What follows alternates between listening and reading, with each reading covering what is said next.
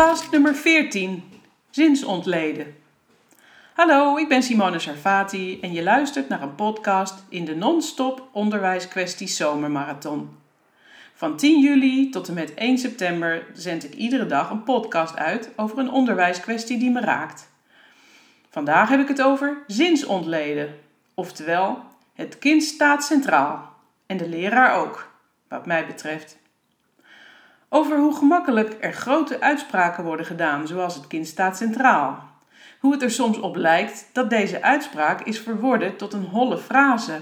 Want wat betekent die zin, het kind staat centraal?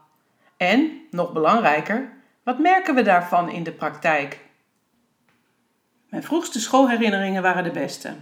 Dat realiseerde ik me weer toen ik vorig jaar op de reunie was voor het 90-jarig bestaan van mijn lagere school, de eerste openbare Montessori-school in Amsterdam. Net als bij mijn eerste stappen in het Amsterdamse schoolgebouw voelde ik mij opnieuw thuis. Ik was weer vier jaar en ademde onderwijs, volmaakt geluk en één met de school en alle mensen daarin. Allerlei associaties drongen zich op en een sterk besef kwam tot mij dat die eerste emoties ervoor hebben gezorgd dat ik altijd in het onderwijs ben gebleven. Een intense flashback kreeg ik over het eerste moment dat me een groot gevoel van trots gaf. Het was mijn demonstratiemoment tijdens een ouderavond. Ik was uitverkoren om s'avonds op school te komen om de ouders uit te leggen hoe de taaldozen werkten. De symbolen en kleuren voor het woord benoemen, zwarte driehoek voor de zelfstandig naamwoorden en bruin voor de bijvoeglijk naamwoorden.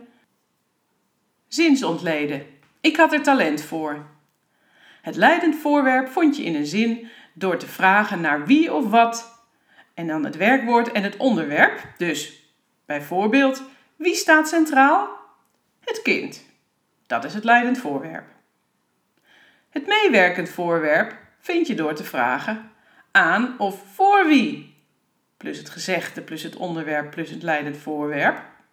Bijvoorbeeld, het kind vraagt de leraar om uitleg. Aan wie vraagt het kind om uitleg? De leraar. En dat is het meewerkend voorwerp. Goed, ik zal het eerlijk bekennen, er is wat van die kennis weggezakt, maar wat vond ik het puzzelen met taal een feest. Nog steeds trouwens. Als ik een zin hoor, kan die zomaar zonder een specifieke reden in mijn hoofd blijven rondzingen. En vraag ik me af, wat is het leidend voorwerp en wat het meewerkend voorwerp? Komen terug in het hier en nu en lezen de uitspraak: Het kind staat centraal. In een flits weet je meteen wat het leidend voorwerp is en voel je, in deze zin ontbreekt iets in de praktijk, namelijk het meewerkend voorwerp. Daarom zie ik in de praktijk niet goed wat de uitspraak het kind staat centraal betekent.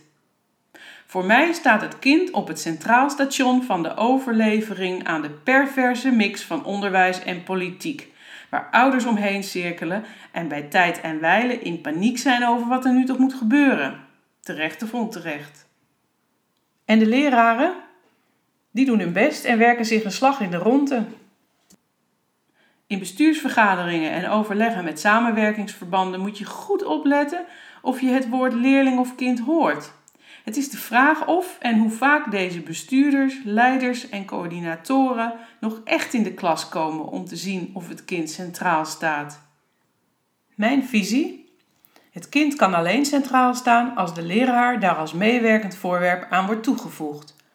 Op zijn of haar manier moet de leraar net zo centraal staan om goed onderwijs te geven. Ik ga nog een stap verder.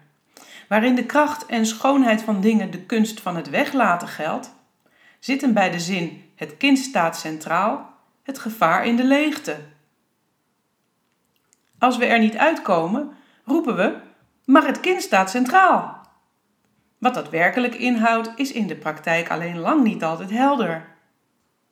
Als het kind centraal staat, hoe komt het dan dat instanties zo moeizaam tot samenwerking komen om thuiszittende leerlingen naar school te laten gaan? Als het kind centraal staat, hoe komt het dan dat er ouders aan de bel trekken dat hun kind niet de onderwijsondersteuning krijgt die het nodig heeft? Als het kind centraal staat, betekent dat niet dat ze het centrum van het universum zijn, Want er zijn opvoeders en onderwijzers nodig om ze in hun ontwikkeling te stimuleren. Handig dus wel om na te denken over de betekenis van die zin en van de consequenties van die uitspraak. Mijn tweede dringende suggestie is dat we die zin nooit meer uitspreken zonder het meewerkend voorwerp, de leraren, daaraan toe te voegen, al is het maar in gedachten. Want het zijn de leraren die de leerlingen in hun kracht helpen zetten door goed onderwijs, waar ze, als het goed is, hun hele leven iets aan hebben. Dat was het voor vandaag. Wil je reageren op deze uitzending of wil je een keer meedoen met de opname? Heb je een onderwijskwestie die je met mij wil opnemen? Stuur dan een mailtje naar simone.sarfati.nu. Als je het interessant vond, deel deze podcast dan of abonneer je. Weet dat ik het waardeer en weet ook dat je meer informatie over passend onderwijs kunt vinden op mijn website www.sarfati.nu. Sarfati met PA en IE. Bedankt voor het luisteren, een zomerse groet en tot passend weerziens.